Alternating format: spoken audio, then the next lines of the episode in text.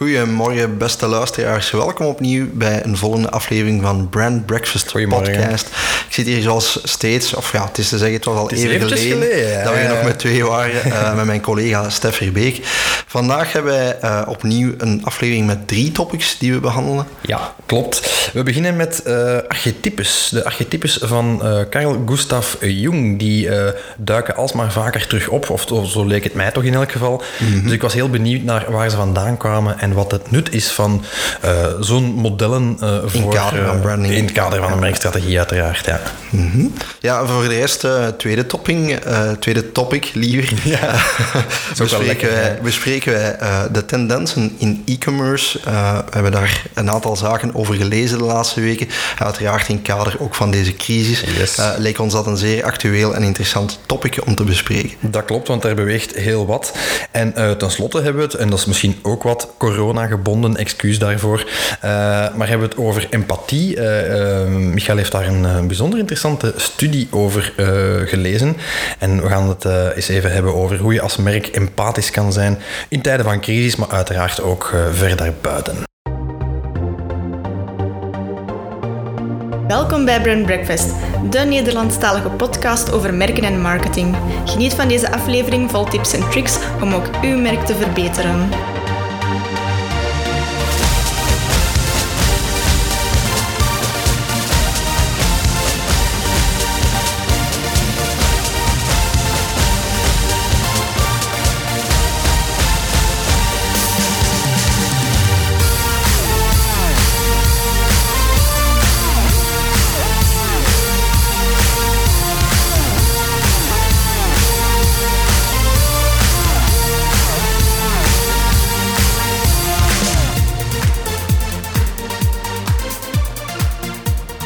Stef, wij zitten in een sector uh, die bij momenten zeer moeilijk te kwantificeren is of wetenschappelijk te onderbouwen is. Zelfs niet in veel gevallen. Voilà, zelfs niet. Hè. Er worden natuurlijk wel onderzoeken gedaan naar preferenties rond brands en dergelijke. Hetgeen u toch een bepaalde indicatie kan geven wat dat werkt en wat niet. Mm -hmm. uh, maar er zit soms wel een frustratie in het bepalen van bepaalde keuzes in branding en zelfs in marketing. In van ja, is dat nu de juiste keuze? Hoe kan ik dat onderbouwen? Ja. Nu, wat we vaak vaststellen, zowel bij ons als bij andere agencies als bij klanten intern, is dat zij vaak beroep doen op een aantal structuren, op een aantal modellen rond branding. Mm -hmm. um, de vraag is, of de vraag die ik soms krijg, ook van anderen, is dat nuttig? Is het interessant dat ik gebruik maak van die structuren, van die modellen? Of moet ik eigenlijk eerder mijn buikgevoel gaan volgen? Ja, dat is, uh, dat is de gouden graal van uh, branding kwantificeren zeker. Ja, om die vraag te antwoorden, ja, dat is zeker nuttig. Um, er bestaan ook een, een, gigantisch aantal modellen, concepten. Mm -hmm. uh, vaak hebben, heeft elke agency een eigen model ontwikkeld of een eigen systematiek of een eigen taxonomie om dingen in te delen. Mm -hmm. en je hebt ook een x aantal geëikte modellen die je steeds ziet terugkomen. wij zijn... ja, de Golden Circle bijvoorbeeld zeggen, een daar zijn wij, wij ook, zijn wij ook fan van inderdaad, ja. de Golden Circle van Simon Sinek, omdat het ja, wel een vrij cruciale vraag stelt over waarom bestaat jij eigenlijk als mm -hmm. merk, hè? wat is uw meerwaarde in de wereld. Mm -hmm. Dus dat is inderdaad een goede manier om, om uh, bij wijze van oefening na te denken over, over purpose. Mm -hmm. Wij geven er altijd de kanttekening bij bij klanten van ja, dat is een, een stijloefening, hè? dat is een oefening die wij met jullie maken om bepaalde inzichten te verwerven, maar nu ook niet om te zeggen van ja, we gaan dat hier los op onze website kopiëren als, als missie of visie. Hè? -hmm. um, inderdaad, daarom dat het interessant is dat we het daar een keer over hebben. Recent werd ik bij, een, bij een project geconfronteerd met um, het gebruik van de archetypes van Jung. Ik weet niet of u daar... Carl Gustav Jung. Carl ja. Gustav Jung, inderdaad. Ja, ik weet niet of je dat, dat concept nog, nog een beetje kent.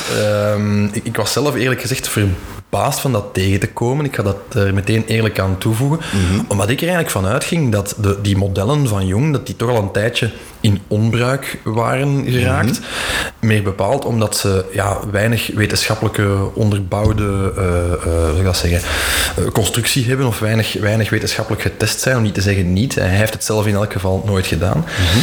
En dus omdat ik dat tegenkwam en dacht van, tja, mijn, mijn geloof daar precies, bij de klant in kwestie toch wel heel erg in, ben ik daar toch eens wat onderzoek naar gaan doen van ja, hoe, hoe accuraat is dat nog, hoe vaak wordt dat nog gebruikt en wat kan eventueel de meerwaarde zijn van die archetypes voor, voor ja, ons, ons job, hè, voor, voor onze... Mhm. Ja, dus voor alle duidelijkheid, Sef, dat is een brandingmodel dat eigenlijk geënt is op psychologie, als ik het juist begrijp. ja en nee, op psychoanalyse eigenlijk. Want de enige achtergrond is vereist. Hè. Ik ben het met u eens. Dus om te beginnen, het is niet ontwikkeld voor branding uiteraard. Nee, nee, archetypes van Jung, dus die Jung, wie is dat eigenlijk? Ja, Carl Gustav Jung, dat was eigenlijk een Zwitserse psychiater en die uh, leefde een hele tijd geleden toch al, hè, 1875 tot 1961. Mhm. En hij wordt dus de bezieler van de psychoanalyse genoemd. Dat is eigenlijk een soort van methodiek die hij zelf wat ontwikkeld heeft, of waar hij toch een van de grote uh, voorvechters van was. Nu, uh, wat je wel moet weten, voor we het echt over die archetypes hebben, is dat die Jung dat, dat een speciaal geval was. Hè. Op, op zijn zacht gezegd, was een ongelooflijke fan van spiritualisme, van... Ja, van een beetje controversieel figuur. Voilà, hij wilde het bovennatuurlijke kunnen verklaren door daar wetenschappelijke formules aan te koppelen, wat mhm. Natuurlijk ja, niet, niet zo evident is. Hij is vooral gekend onder andere omdat hij dromen bestudeerde. Hij dacht dat dromen een verklarend of zelfs een voorspellend karakter konden hebben. Uh, had heel veel interesse in het occulte, in, in mythologie, in religie, folklore en zo verder. Nu, wat we wel kunnen zeggen is dat er toch lichtjes een, een vijs los was, ook al was hij zelf uh, psychiater. Hè. Dus die, die man die zag visioenen, die hoorde stemmen in zijn hoofd. Okay. Ehm, leefde in een tijdsgevricht dat uh, nogal bizar was. Dus bijvoorbeeld, hij dacht dat de Wereldoorlog 1 dat dat een, een direct gevolg was van zijn psychische toestand. Hè. Dus van de psychologische crisis waar hij op dat moment precies in, uh, in vertoefde. Hij werkte ook een tijdje samen met, uh, met Sigmund Freud, hè, ook al zo'n controversiële uh, figuur. op een gegeven moment kwam er aan bras van en ze wilden mekaars theorieën niet meer bevestigen. Ja. Dus je moet niet vragen. Dus dat qua achtergrond over, over Jung misschien. Nu terug naar die archetypes, want dat is toch wel belangrijk om te zeggen zijn ideologie was, of zijn concept was eigenlijk, die archetypes dienen om mensen te verklaren, om mensen op te delen. In vakjes. Te in vakjes. Hè, uh, leuk, gezellig, makkelijk. Mm We hebben dat graag. Hè. Meteen ook de link met het model van de branding. Mm -hmm. hè, uh, hij zegt eigenlijk, die archetypes, dat zijn types mensen. Uh, dat zijn er twaalf, dat is ook niet toevallig. Hè. De twaalf apostelen onder de zodiac signs. De zodiac signs en de sterrenbeelden en zo verder. Het idee is eigenlijk dat je mensen, of de koer, bepaalde thema's die die universeel in alle culturen voorkomen, dat je die in één model giet. Hè. Dus om, om mensen te definiëren en orde te scheppen, verklaring te creëren voor dingen die, uh, die, die er uh, gebeuren eigenlijk. Mhm. En zo zijn die dus tot stand gekomen. Um, de definitie eigenlijk van die archetypes varieert al een keer. Als je vandaag daar studies over leest, ik zeg het, ik heb me er wat in, in verdiept de voorbije weken. Mm Ehm, wat, wat wel belangrijk is om mee te geven, ook, ook naar branding toe, is dat de bruikbaarheid daarvan, de definitie daarvan, um, de correctheid, dat dat onderwerp is voor vrij hevige en pittige debatten. Ja, uh, ja, Zowel in de traditionele psychologie uh, als in de toegepaste velden, zoals branding en marketing. Mm -hmm. Maar dus als ik het goed begrijp, Stef, de bedoeling om dat model vol toe te passen, is dat je zegt als merk, ik ben dat archetype. Juist. Um, en dat je eigenlijk op basis daarvan beslist beslissingen neemt om uw merk verder te gaan shapen. Exact. En ik, eh, wat ik uh, uh, wil meegeven vandaag is, daar schuilt precies het gevaar. Ja. Want als je als merk zegt van, kijk, ja, wij vallen in een van die twaalf vakjes, mm -hmm. um, dan, ja, dan, dan, dan koppelt je daar bijna je lot aan vast en dan ga je misschien inderdaad ook beslissingen nemen op basis van die vakjes. En wat is de belangrijke nuance die ik moet meegeven, is dat dat model van die archetypes dat Jung ontwikkeld heeft, geen enkele wetenschappelijke oorsprong heeft. Dus hij heeft daar okay. geen onderzoek naar gedaan, hij heeft geen patiënten getest of, of, of mensen uh, in een studie gestoken. Dat is echt een, een verzinsel of hersenspinsel van die man zelf. Ik heb er net een beetje zijn karakter geschetst, hè, dus om, om daar uh, kanttekening bij te maken. In elk geval, ja, ze, ze zijn er nog steeds. Hè. Anno 2020 worden ze blijkbaar uh, nog steeds gebruikt. Um, onder andere in branding. En dus die twaalf types, ja, dat is, ja, ze zijn zeer breed interpreteerbaar ook. Hè. Systemat systematische studie daarvan is vrij moeilijk, maar je hebt dingen zoals de creator, hè, dus de, de, mm -hmm. de, de eigenlijk. Hè. Bijvoorbeeld merken als Lego of YouTube vallen daaronder. Ja. Je hebt de Sage, hè, de wijze, zoals uh, Google en Philips uh, valt daaronder. De Magician, hè, uh, TED en TED Talks en ja. Disney ja. en zo verder en zo verder. Every Man, dat is dan Ikea en Levi's die daaronder vallen bijvoorbeeld. Je hebt de Outlaw, hè, Jeep mm -hmm. en Virgin zijn daar voorbeelden van en zo toch de specialere merken. De Ruler, zoals Mercedes en Rolex. Enfin, je hebt oneindig veel, allee, niet oneindig veel voorbeelden, maar in die twaalf vakjes kan je dus in principe elk merk ter wereld indelen, zo gezegd. Ja, ja, de reden waarom dat vandaag nog zo populair is, onder andere, komt door een bestseller uit 2001, geschreven door, en ik kijk het even, ik heb het hier opgeschreven, uh, Carol Pearson en Margaret Mark. Mhm. die noemen die, dat systeem in hun boek The Hero and the Outlaw, die noemen dat systeem van die archetypes een proven system, uh, foolproof. Het kan niet fout gaan als waterdicht. Zij beweren dat dat voor elk merk een houvast kan bieden. Mhm. Wel, allow me to disagree. Ik, ik, ik, ik, denk dat daar toch wel een kanttekening of een korrel zout bij uh, genomen moet worden. Nu, je zegt zelf van oké, het is niet wetenschappelijk onderbouwd. Um, als ik even advocaat van de duivel speel, hè, de auteur zegt van het biedt een houvast voor een merk. Exact. Kan het in die zin niet een, een, een zoals je zegt, een stijloefening zijn voor een brand? Een beetje zoals wij brand workshops doen en voilà. proberen de persoonlijkheid van een merk te achterhalen. Om op die manier toch een stuk sturing te geven? Of zeggen wij, ja nee, eigenlijk die modellen, ja, dat is niet zo verstandig. Je moet gewoon, uh, je moet eigenlijk gewoon je persoonlijkheid kunnen opschrijven zonder een model. Uh, in theorie zou je dat... alle karakteristieken ja, In theorie zou je dat ergens moeten kunnen, maar ik begrijp ook dat dat niet altijd zo evident is. Klopt, hè. Wij zitten er natuurlijk dag in, dag uit in. Het is ons mhm. beroep. En dat is wel de merite van alle modellen. Zelfs als ik er hier nu morgen zelf één verzin, dan nog biedt dat ergens een houvast, zoals je zegt. Een inspiratiebron of een kapstok. Ja. Ik denk dat dat de reden is waarom zelfs die archetypes van Jung blijven terugkomen als model. Um, omdat het natuurlijk makkelijk is. En dat bedoel, ik, dat bedoel ik echt in de positieve zin van het woord. Het is makkelijk om een soort van structuur aan te bieden waarmee je kan vertrekken. Ja, en ook een vergelijking kunt bieden. Hè? Want je zegt nu, ja, die merken vallen onder een bepaald archetype. Ja.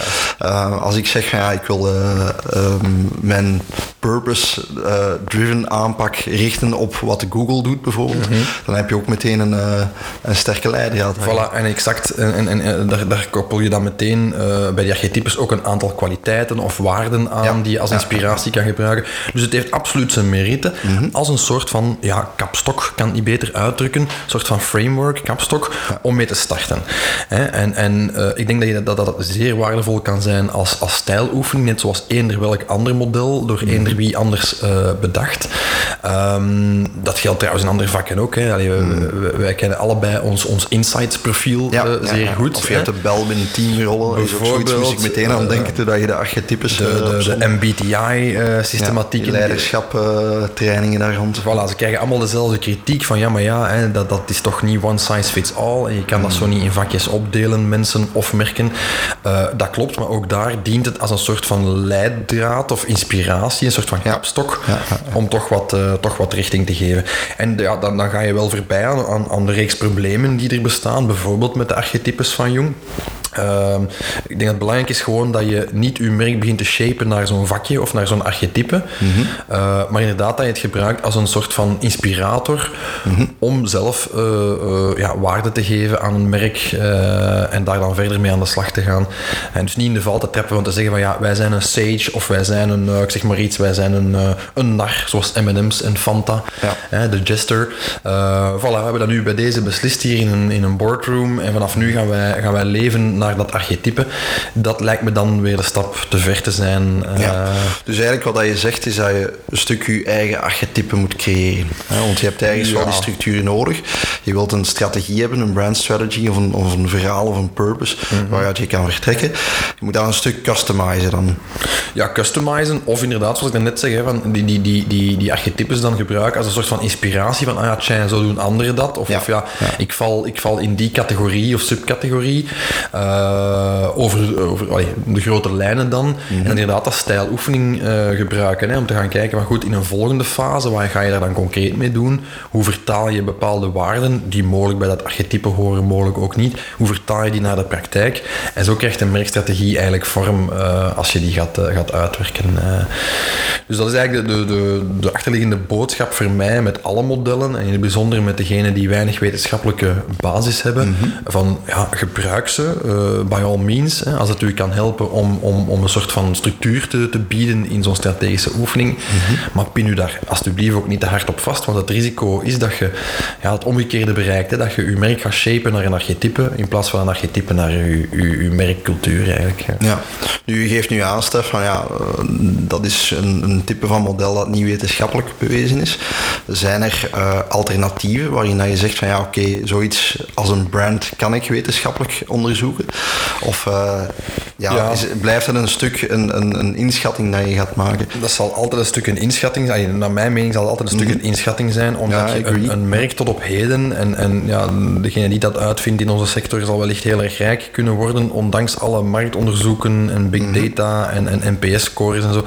Uh, een, een, merk kwantificeren is bijzonder moeilijk. Ook omdat het een stuk ja, gevoelsmatig is. Gevoelsmatig en geweldig subjectief, dat is voor iedereen anders. Hè. De invulling van Coca-Cola bijvoorbeeld, of mhm. Audi, voor mij is helemaal anders dan voor u en voor mijn buurman en voor mijn collega. Ja, dus dus uh, ik denk dat je daar in het beste geval een invloed op hebt als merk. Hè. Dat is toch hetgeen wat wij trachten te realiseren. Mm -hmm. maar ja, uh, om het dan in insights te zeggen, de blauwe profielen die het graag by the book doen en die, die, die graag allemaal dat, dat tot in het puntje uitgewerkt hebben, ja, die komen van een kale reis terug met elk model. Want er is geen enkel systematiek die een merk zodanig kan, kan, kan kwantificeren dat je er op basis daarvan uh, beslissingen kan maken. we hebben dan nog wel eens gezegd denk ik, in de podcast, klanten die zeggen van ja, we hebben hier nu twee potentiële nieuwe uh, logo's liggen voor ons merk. Mm Bereken mij nu eens statistisch welk het beste is. Ja, je kan een focusstudie doen, maar voilà. ja, dat blijft altijd een stuk, Dat is ook een stuk sturing natuurlijk, dat je daar uh, je doelgroep gaat benaderen. Ja, een stuk validatie, hè, dat wel. Een stuk validatie gaat zoeken. Maar inderdaad een pre-onderzoek en ja, zoals je zegt, een archetype aan zich of een, of een brandstory aan zich. Hmm. Ja, je kan niet berekenen als je twee brandstories naast elkaar hebt, welke het meest rendabel gaat zijn. Hè. Je doet een inschatting naar wat het beste aanleunt bij je doelgroep en het beste in hun leefwereld uh, past. En we merken wel in de praktijk, als dat echt misgaat of echt zeer sterk werkt, dat je dat ook wel merkt hè, eh, op langere termijn. Mm. Ehm, zie je dat natuurlijk bijvoorbeeld wel in sales of in, of in perceptie. Hè. Dus je hebt op die manier wel een, een zekere validatie, zoals je zegt, die je kan doen. Uh, maar inderdaad, voor een stuk blijft het een inschatting en vooral uw doelgroep kennen, denk ik. Uh, en op basis daarvan geëikte beslissingen te maken. Zo is het helemaal. Voilà. Ja, om af te sluiten misschien, dus die modellen, ja, opnieuw, gebruik ze zeker als inspirator, maar pin je er niet te veel op vast. ja, het, gaat, het lijkt misschien alsof uw beslissing in zaken strategie daar makkelijker door wordt, maar ik weet niet of dat in praktijk altijd het geval is. Dus neem het met een korrel zout en denk, denk goed na over vooral uw doelgroep, eerder dan over een model van meer dan 100 jaar oud dat geen enkele wetenschappelijke basis heeft.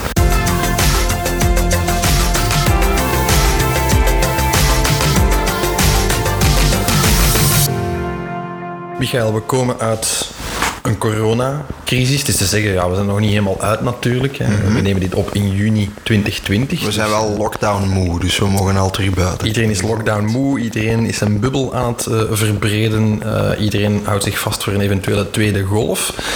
Um, belangrijk om mee te geven voor onze sector, of in het algemeen uh, voor de economie, die toch een behoorlijke klap gekregen heeft, is alles wat met e-commerce te maken heeft. Mm um, natuurlijk, ja, het feit dat we thuis gezeten hebben en lang thuis gezeten hebben, dat de niet-essentiële winkels ook gesloten waren, uh, hebben wel een impact gehad op consumentengedrag. Uh, daar kunnen we ja, niet omheen. En je leest daar ook en je hoort daar ook heel veel over. Um, onder andere uh, dat het, het fysiek shoppen toch een andere vorm heeft aangenomen, althans mhm. voorlopig en misschien zelfs in de toekomst en met vastgelegde paden in winkels en dergelijke meer. Dus natuurlijk ja, is het logisch om te redeneren dat e-commerce booming is, voor zover het dat al niet was. Ja. Um, maar we zien daar toch tegenstrijdige cijfers uh, opduiken. Ik verwijs... Uh, ja, ja, ja. omdat je merkt toch heel wat artikelen waarin dat ze poneren van oké, er werd verwacht dat de fysieke uh, sales eigenlijk volledig zou vervangen worden, of toch een groot stuk zou vervangen worden door e-commerce. dat blijkt in sommige gevallen min of meer waar te zijn. In andere gevallen valt dat toch wel wat tegen. Ja, kan tegen natuurlijk. Ze zeggen dat al jaren. Hè. De, ja, er worden al jaren gedoemd, predik dat de fysieke retail dat dat dood is, dat dat voorbij is, dat dat allemaal geamazoniseerd wordt. Mm Voor een stuk inderdaad klopt dat. Maar wat bloklettert uh, de tijd vandaag, uh, Belg koopt minder online, ondanks de lockdown. Dus de e-commerce cijfers zijn gezakt? Zijn gezakt, Oké, okay, dat is interessant. Dat is zeer interessant en ik dacht, ja, dat moeten we toch eens in detail uh, bekijken. Dus ja, je zou denken dat uh, online shoppen natuurlijk een geweldige boost gekregen heeft, hè, doordat we niet meer uh, naar fysieke winkels konden. En dat klopt ook, dus er hangen een paar straffe cijfers aan vast. Um, maar toch daalde e-commerce de voorbije periode met 8%. En dat komt eigenlijk, en dat is op zich niet zo onlogisch als je er verder over nadenkt, we zijn inderdaad bepaalde dingen meer gaan kopen, dingen als multimedia, kledij en dergelijke meer die niet meer in essentiële, essentiële zaken. Voilà, exact. maar natuurlijk, ja, e-commerce wordt al sinds mensheugenis gedreven door dingen zoals concerttickets, theatertickets, reizen. Hè. Er worden gigantisch veel vluchten en hotels geboekt online. ook dienstenchecks en dergelijke meer. Dingen die compleet zijn weggevallen, mhm. waardoor je dus toch een dip krijgt in de e-commerce cijfers.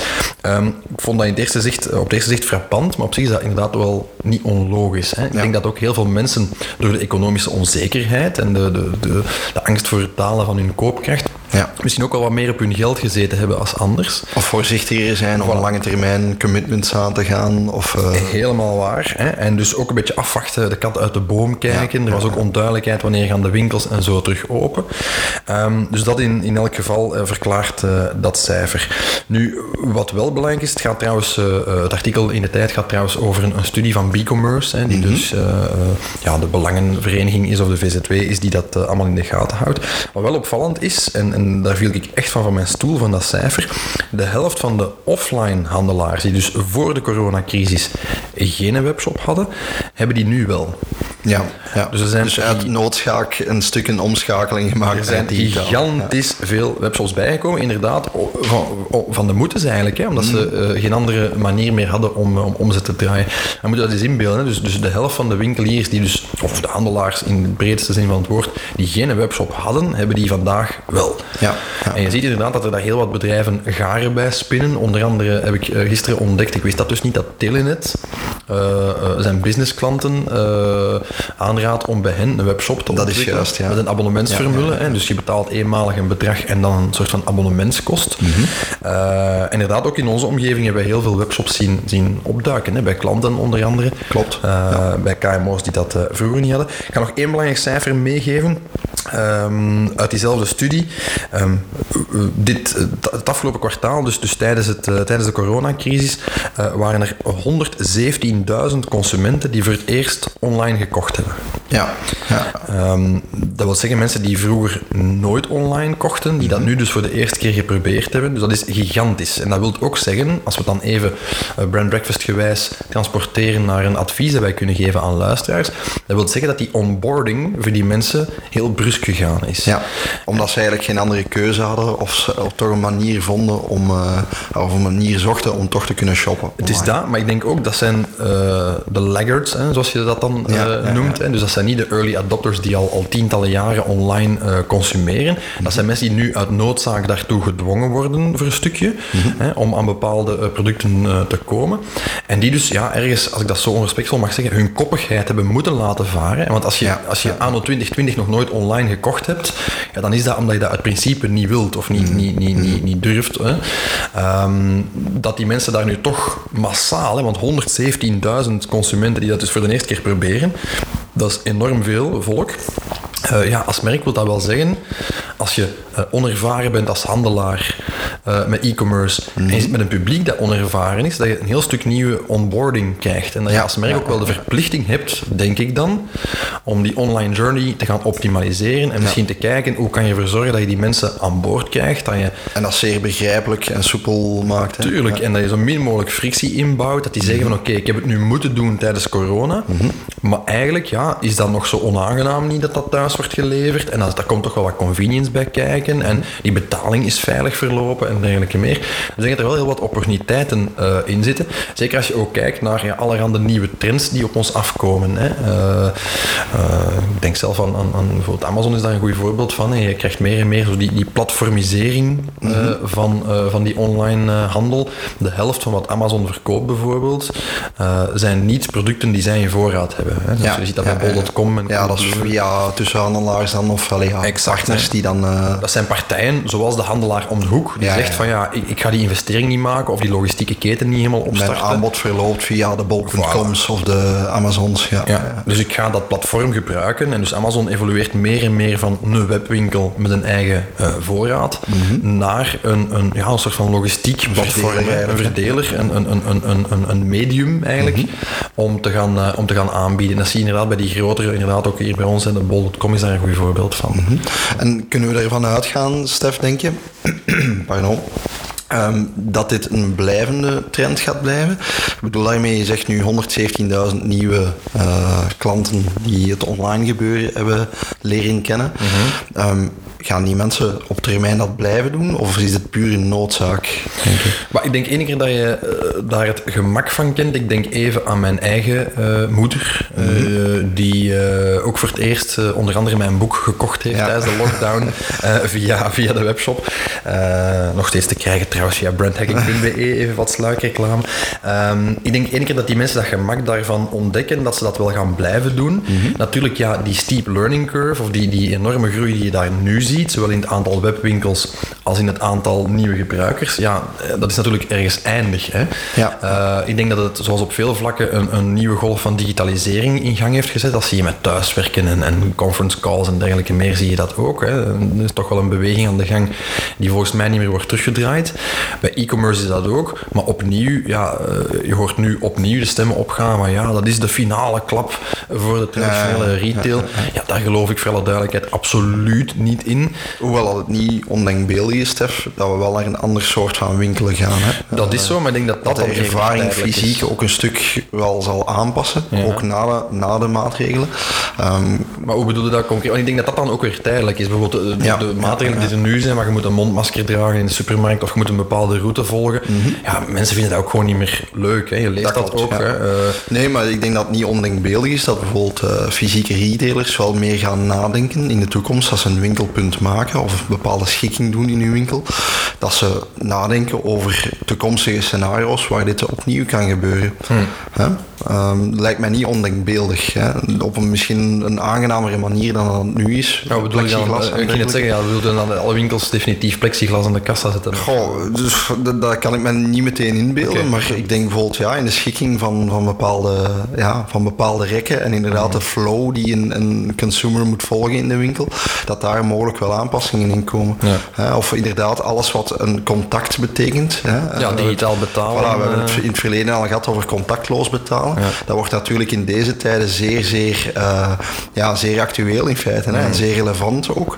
Hè, dat je gewoon bij wijze van spreken met je karretje naar buiten kan gaan en dat je betaling automatisch verloopt of contactloos belo- verloopt. Ja, Ik blijf dat zeggen, ik snap niet dat er winkels zijn die dat niet aanbieden. Ook Ja. nu, hè, tijdens Ja. de coronacrisis. Ik heb me geweldig opge opgewonden in, in winkels hier in de buurt. eh, in, die stad als cash, Antwerpen. eh, eh, die alleen cash. En dan een poster hangen van de stad Antwerpen met de maatregelen van hou afstand en, en was uw handen en hoest in uw elleboog en betaal zoveel mogelijk contactloos of minstens digitaal. En dat stukje wordt dan overplakt. hè, want ja, je moest eens een euro minder zwart in uw zak kunnen steken. Nee, denk het punt dat ik wou maken, Stef, net zoals je zegt, van er zijn veel klanten die nu een beetje noodgedwongen hè, uit hun comfortzone hebben moeten gaan. Ik denk dat er ook veel winkeliers en handelaars zijn die nu ook wel door, omwille van die maatregelen, misschien bepaalde handelingen gaan nemen naar de toekomst toe. Hè, die, die ineens dat contactloos betalen bijvoorbeeld misschien wel gaan overwegen. Een beetje wakker geschud zijn dan of zo. Dat denk ik wel, ja. Dat lijkt mij... eh, Zeg, in consumentengedrag, want eh, je sprak over een, eh, over een trend een paar dagen Ja, geleden klopt. die ja. is Ik eh, iets heel interessants gezien, ook in de e-commerce. Eigenlijk iets dat, dat ja, laten we zeggen, hier in de westerse wereld nog, nog heel traag op gang komt. Mhm. Eh, maar wat je heel sterk ziet in Azië, en vooral dan in China, is eigenlijk het, het opkomen van social e-commerce. Oké, En dat vond ik wel een interessant gegeven. wat moet wij- daarbij inbeelden? Voilà, ja, wij geven vaak aan, van oké, een winkelervaring is soms ook iets emotioneel, is ook een beleving. Hè, Altijd dat je daar met andere mensen in contact komt en in sommige gevallen ook samen met anderen gaat shoppen. Natuurlijk heb je online die ervaring een, een heel stuk minder. Hè. Je zit alleen achter je computer, je zit in een webshop alleen in feite. Hè. Je hebt Hmm. Een uw winkelmandje en dat is heel onpersoonlijk. Op het toilet met uw tablet. eh, Voilà, ja. Eh, nu, wat dat je merkt, in, in China is dat een opkomend gegeven, is die social e-commerce. Ehm, wat dat eigenlijk inhoudt, is dat er een aantal winkels zijn en ook een aantal platformen, apps en tools, die je toelaten om in groep online te gaan shoppen. Ehm, dus wat dat inhoudt, is dat je eigenlijk samen aanmeldt op Oké. eenzelfde moment op een bepaald platform. ja, Zoom-gewijs dan of zo. In eh, principe Zoom-gewijs of met een soort van groepschat hè, via een tool. eh, dat je elkaar wat tips kan geven, dat je ook kan zien eh, wie dat op welke pagina zit. En bijvoorbeeld ook, hè, stel nu ik zie een leuk kostuum, dan kan ik dat even aan u sharen. Hè, en je kan dat ook live zien wat ik dan aan het doen ben. Ja. Hè, dus je kan elkaar wat tips en advies geven. Ehm, plus die social e-commerce ehm, houdt ook een, een, een eh, aspect van groepsaankopen in. dus als je bijvoorbeeld met vijf mensen in dezelfde shop komt ah, ja, en je beslist samen van oké, we gaan een, een grotere aankoop doen. Een groepskorting. Heb je ook de mogelijkheid om een groepskorting te krijgen. Alright. En ik vond dat wel een interessant gegeven, omdat ik dat een, een mooie merch vind. ik zeg niet dat dat uh, per se de toekomst gaat zijn, maar het lost misschien wel een probleem op dat je nu met e-commerce hebt, dat het heel onpersoonlijk is, dat het zeer individueel is. Um, vond ik dat wel een leuke, ja, een leuke technologie die rising is in Azië. Um, je merkt dat trouwens ook, hè, je hebt, uh, in, andere, in andere zaken ook. We kennen natuurlijk het gegeven nu van, van de Zoom-calls en de videocalls, mm uh, dat we de laatste tijden veel gedaan hebben. Maar je merkt bijvoorbeeld dat uh, Netflix, bijvoorbeeld ook Netflix parties heeft. Ja, watch parties. Voilà, waarin dat je dan samen een serie kan zien van op afstand. Mm. Um, ik vind dat wel een interessante evolutie. ik ben heel benieuwd of dat ook in, in het Westen gaat aanspreken. En misschien dat e-commerce verhaal toch ook een stukje gaat evolueren uh, in de toekomst. Ik ben daar uh, zeer benieuwd naar. Ik ben altijd heel, heel sceptisch bij dat soort dingen. Maar ik denk ja. dat dat neemt toch alle, uh, zal ik zeggen, het, het, alle menselijke karakter daaruit. En ja, bovendien het leuke aan samen shoppen is het terrasje doen achteraf of een pannenkoek ja, gaan eten. dat is waar. Ja. dat is ja, like als, like als al die online koffiemomenten en online bars waar ik de afgelopen weken vertoefd heb. is toch niet hetzelfde dat je thuis in je zetel zit met je glaasje Canada dan, dat is waar. aan de toog natuurlijk. Dat is inderdaad niet dezelfde ervaring, hè, maar ik denk dat het wel manieren zijn waarin je de twee werelden misschien een stukje kan, uh, kan gaan combineren. Alright, heel benieuwd ernaar. En voor iedereen die recent een webshop geopend heeft, alvast veel succes met het uh, optimaliseren van de online ervaring voor jullie klanten. Laat ons wel weten als er daar vragen over zijn.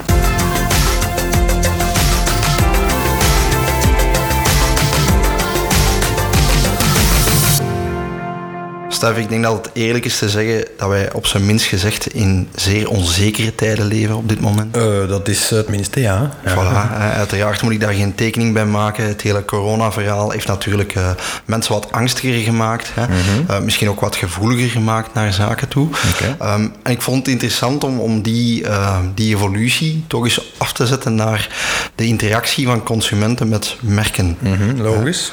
Um, nu, heel interessant. Ik heb daar een paar weken terug een heel interessant onderzoek rond gelezen. Okay. Uh, dat door PepsiCo in de States is uitgevoerd um, samen met het onderzoeksbureau Ipsos. Mm -hmm. Ze hebben eigenlijk een, een, steekproef genomen van een vijfduizendtal consumenten.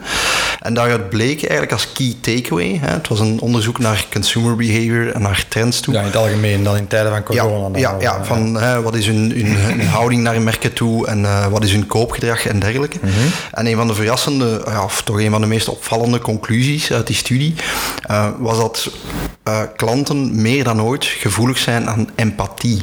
Oké, okay. uh, ja, ik, ik ga er meteen zeggen, mij verrast dat niet zo eigenlijk. Ja. Op zich is dat ook een stuk een logische tendens. Hè. We zien dat de voorbije jaren ook al een stuk... Ja, pre-corona ook. Hè. Ik, ik heb daar een, een, heel hoofdstuk in mijn boek aan gewijd ook. Hè. Aan, aan, mm -hmm. aan, hoe belangrijk dat het is dat je als merk meegaat in de levensstijl van mensen. Op goede momenten, maar ook op slechte momenten. Dat bedoel ik mee. Want ook als er problemen opduiken in die mm -hmm. customer journey, ergens in een van die stappen. Uh, ik denk dat de tijden voorbij zijn dat je als bedrijf of als merk kunt terugvallen op ah ja, maar ja, het staat zo in ons proces of, of ons model zit nu zo of zo in elkaar. Ja. Daar kunnen wij niks aan veranderen, meneer of mevrouw. Het is take it or leave it. Voilà, de meest memorabele belevingen voor mij als consument dan, los van mijn beroep, zijn die waarvan ze zeggen, maar ja, goh, eigenlijk mag dat niet, maar goed, we snappen uw verhaal, dus we gaan mm. speciaal voor u een uitzondering maken of wat. En dat gaat het doorvertellen aan, aan mensen van, amai, daar ja. ben ik echt goed geholpen geweest. En ja, die, zijn, die zijn buiten hun script gegaan, mm. omdat ze begrepen dat dat heel vervelend is voor mij, of, of dat dat echt een probleem is. Ja, uh, alleen... ja het zit denk ik vooral in respect en menselijkheid, denk ik, een groot ja, stuk. meeleven, hè, menselijkheid. Medeleven, ja, inderdaad. Ja, en ik denk zeker ja, in, in deze tijden waar heel veel uh, inconvenience uh, is, voor zowel de, de merken als de consumenten, mm, mm. dat dat waarschijnlijk nog dubbelop is. Hè. Ah ja, je zit allemaal in hetzelfde scheepje. Hè. Allee, voilà. je, je, weet, je, krijgt allemaal klappen, komt allemaal angsten en frustraties tegen. Dus meer dan ooit is dat, is dat speelt dan een rol, denk ik. Ja, ja dat is zeker interessant. Ik denk, allee, als, als ik aan empathie denk, denk ik al vaak aan, aan de stap na een verkoop. Hè, van oké, okay, hoe word je behandeld bij een verkoop en wat, hoe reageren bedrijven of merken in geval er een probleem is. Ervoor daarvoor niet dan? Of? Ja, daarvoor op zich toch wel, want dat bleek dus ook uh, uit het onderzoek. Ah, ja, okay. daar, okay. ik, ik loop al vooruit op de zaken, excuus. Ja, Omdat ik daar een aantal dingen in had teruggevonden, een aantal cijfers die mij eigenlijk wel een beetje verrasten dan. Okay. Uh, onder meer dat heel veel Amerikaanse consumenten ook aangaven dat ze toch een belangrijke rol zien uh, bij merken mm -hmm. in het ehm, verbeteren van hun humeur. Oké. dus ze zeggen van, kijk, we zitten in wat depressievere tijden en brands hebben daar ergens een rol in te spelen. We moeten dat fixen. Voilà, to lift our spirits. Hè, mm -hmm. Kunnen daar een rol in spelen om ons ook die entertainment een stuk te geven. En onze uh, geef, eens dan, geef eens dan een voorbeeld van ja, hoe geeft een merk dan een goed Is dat dan Netflix die zegt van we, hebben, we hebben nieuwe series voor u klaarstaan? Of hoe moeten we daar bij inbeelden dan? Bijvoorbeeld of bepaalde steunberichten die, die komen okay, uit, een, ja, uit een, bepaalde hoek. of inderdaad het klanten gemakkelijker maken om een aankoop te doen in momenten dat het voor hen eigenlijk heel moeilijk is. Hè, ja. Doordat er van alles gesloten is en dat ze eigenlijk in hun kot zijn opgesloten. dat zijn ook vormen van empathie. Hè. Ja, we snappen dat uw situatie u verhindert om in uw auto te stappen en even rustig voilà. in de winkel te komen rondhangen. Dus, ja, ja, ja. Oké. En dat gaat vaak ook verder dan puur de, de, de maatregelen die zijn opgelegd. Hè. Mm. Ik denk dat een merk daar ook verder in kan nadenken van hoe kan ik toch die experience voor mijn klant gaan verbeteren ja. voor en na de verkoop. Um, ook iets interessants, Stef, dat, dat, lees ik hier nu ook. Ik ga even aflezen van mijn bladje hier. Ja. Uh, 74% van uh, die respondenten gaf ook aan dat ze vinden dat merken een rol kunnen spelen in het brengen van momenten van vreugde en zelfs van escapisme. Oh, zeker. Dat vond ik wel interessant. En er stond dan een side note bij, ze hadden dan gepolst van goed, hè, wat is uw, uw huidige view over advertising? Mm -hmm. uh, nu je weet, hier in België is dat ook zo, er zijn er heel wat advertenties die rond corona gaan. Hè. Uh, wordt vaak gesproken over corona. Ik vind dat persoonlijk afschuwelijk, maar bon. Voilà, en dat blijkt dus ook uit die studie. Hè. Veel consumenten zeggen van kijk, we prefereren eigenlijk advertenties die ons uh, een blij gevoel geven, waar dat we eens mee kunnen lachen of uh, ah, ja, okay, een okay. gevoel van joy weergeven, dan dat er uh, nog eens wordt gehamerd op de tijden waarin we nu zitten en ja. de inconvenience. Kijk eens hoe erg het allemaal is. En, voilà. Ja, um, dus daar misschien is het ook voor, voor merken interessant in dat empathisch vermogen, om ook eens te gaan nadenken, wat kan ik doen, zeker in dit soort tijden, om een beetje blijdschap te brengen okay. op een of andere manier. Spread the joy. Voilà. Dus dat vond ik ook wel een interessante uh, conclusie uit, uit, uit, die empathie. En zegt Pepsi ook hoe zij het doen toevallig? Dat staat er niet specifiek in. Misschien hebben ze terug een woke advertentie gemaakt, wie weet. wie weet, ja. Polsen bij onze contacten bij Pepsi. Is, ja, ik denk dat de vraag vooral is van hoe kunnen merken dat hier doen, hè, Stef? Ja. Um, je, je, zegt van ik heb een hoofdstuk daarover uh, in mijn boek. Ja. Uh, ja, we kunnen merken dat hier doen. Ik denk dat het cruciaal is, maar dat geldt voor alles wat met branding te maken heeft natuurlijk, is dat je je, je klant begrijpt en doorgrondt. Ja, ja. Hè, zeggen zo, zo wat elke aflevering denk ja, blijft maar in essentie. Hè? Omdat dat op alles van toepassing is. Hè. Ook hier, ik denk, empathie kan maar komen als je begrijpt wat, wat mensen drijft. En ja. wat hun frustreert of wat er moeilijk ligt. Mhm. Allee, ik, ik, ik heb in een blogpost en misschien zelfs al in een podcastaflevering en zeker ook in mijn boek uh, spreek ik over, over een casus van uh, uh, een, een, een premium brand waarbij ik producten bestel. Die worden Mhm. hier geleverd in een stadscentrum. Ja. Hè, op, op de stoep van een drukke straat voor de deur van een herenhuis op een palet. En ik laat dat palet af waar die, die, die courier bij staat. Mhm. Ik zet alles in de gang, die dozen.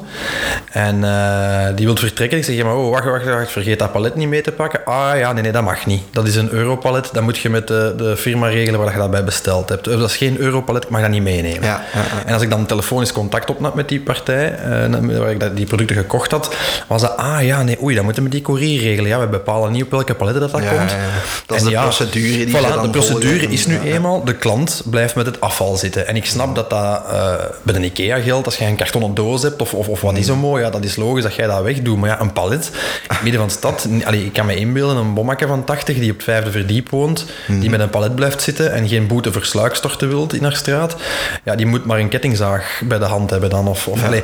Dus, dus de, de, de logica daarachter is heel erg zoeken. En zijn voor, voor mij zijn dat vaak zo de laatste uitwassen van een organisatiecentrisch denken. Mhm.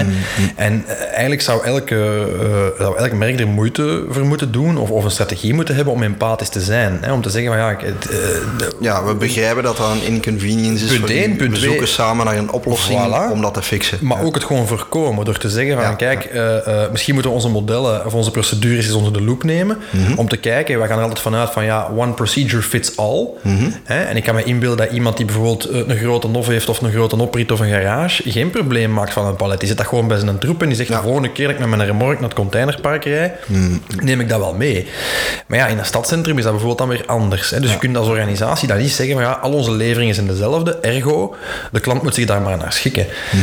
En inderdaad, dan gaat het proactief, maar inderdaad ook in een tweede fase. Stel dat je dan effectief, zoals bij mij, een klacht daarover ontvangt, verschuil je dan niet achter die procedures. Zeg dan niet van ja, daar kunnen we niks aan veranderen, want dat is nu eenmaal zo. Dat is voor mij het tegenovergestelde van empathisch denken. Mhm. En tegenovergestelde van customer-centric denken. Dus ik, ik, snap die logica wel. Ik snap ook dat, dat die consumenten in die Ipsos-studie van, van PepsiCo, dat die, die op die manier uh, daar reageren. Want ik kan mij inbeelden op momenten dat het, uh, dat het u hoog zit en dat je zelf met een hoop angsten zit en, en, en, en frustraties zit door bijvoorbeeld corona. Mhm. Ja, dat is het laatste waar je mee wilt bezig zijn op zo'n moment. Hè? Uh, dus, dus des te meer lijkt me dat van tel te zijn nu in tijden van crisis. Ja. En merken kunnen zich zeker ook nu in tijden van crisis op die manier onderscheiden, denk ik. Hè? Als, je, Absoluut. als je net iets meer doet dan een ander, of net iets empathischer bent, net iets meer meedenkt, proactief mhm. met je klanten, dan kun je wel scoren, denk ik absoluut. Voilà, ik denk een, eh, een zeer belangrijke boodschap om mee te nemen. Mhm. hè. Niet alleen empathisch zijn in uw communicatie, maar ook in uw, in uw procedure met klanten, zowel in de verkoop als in de naverkoop, uh, daar echt belang aan te hechten. Hè. Dat het is dat, het is, om, het is, niet respect je, hebt voor de situatie van, van uw klant. Het is niet omdat je in deze tijden uw klant fysiek niet mocht knuffelen, dat, je dat, dat je dat niet op andere manieren, in andere touchpoints kunt. Hè. Hug your customer en, en, en ja, doe voor uw klant zoals dat je dat voor, voor uw, voor uw vriend of uw vriendin zou doen. Mhm. die gaat ook niet met miserie opzadelen of, of, of uw paraplu opentrekken als het fout gaat. Dan zeggen oei, wacht, kan ik helpen? Die reflex zouden eigenlijk moeten hebben voor uw klanten ook als merk. Absoluut. Leuke takeaway om uh, de aflevering mee te mm eindigen, Stef. Alright, kijk hoe. Ja, uh, bedankt voor het luisteren. Uh, in elk geval, beste luisteraars. we kunnen misschien zeggen dat er een, een hele reeks zeer interessante gasten aankomen. Dat klopt. Ja. dat zal voorlopig nog eventjes op zijn zooms zijn. Dus mm -hmm. u mhm. zal het ook weer op YouTube kunnen volgen als alles goed is. Hè, want dat wordt dan ook met de webcam geregistreerd. Die komen eraan de komende maanden. Ehm, dus daar kunnen we al puntje van de sluier lichten dat het een paar interessante namen zijn. Mm -hmm. Voor de rest, ja, mocht u dat nog niet gedaan hebben, abonneer u op onze podcast. like, ja. share, deel, whatever. Laat ons ook vooral weten als u nog vragen heeft, opmerkingen heeft, topics of gasten die u graag behandeld wilt zien. Dan horen we dat graag op hello at brandbreakfast.be. Voilà, en dan denk ik dat we alles weer gezegd hebben voor deze aflevering. En, Absoluut. Wij horen elkaar volgende maand terug in de volgende aflevering. Voilà, veel courage aan alle merken en tot volgende keer.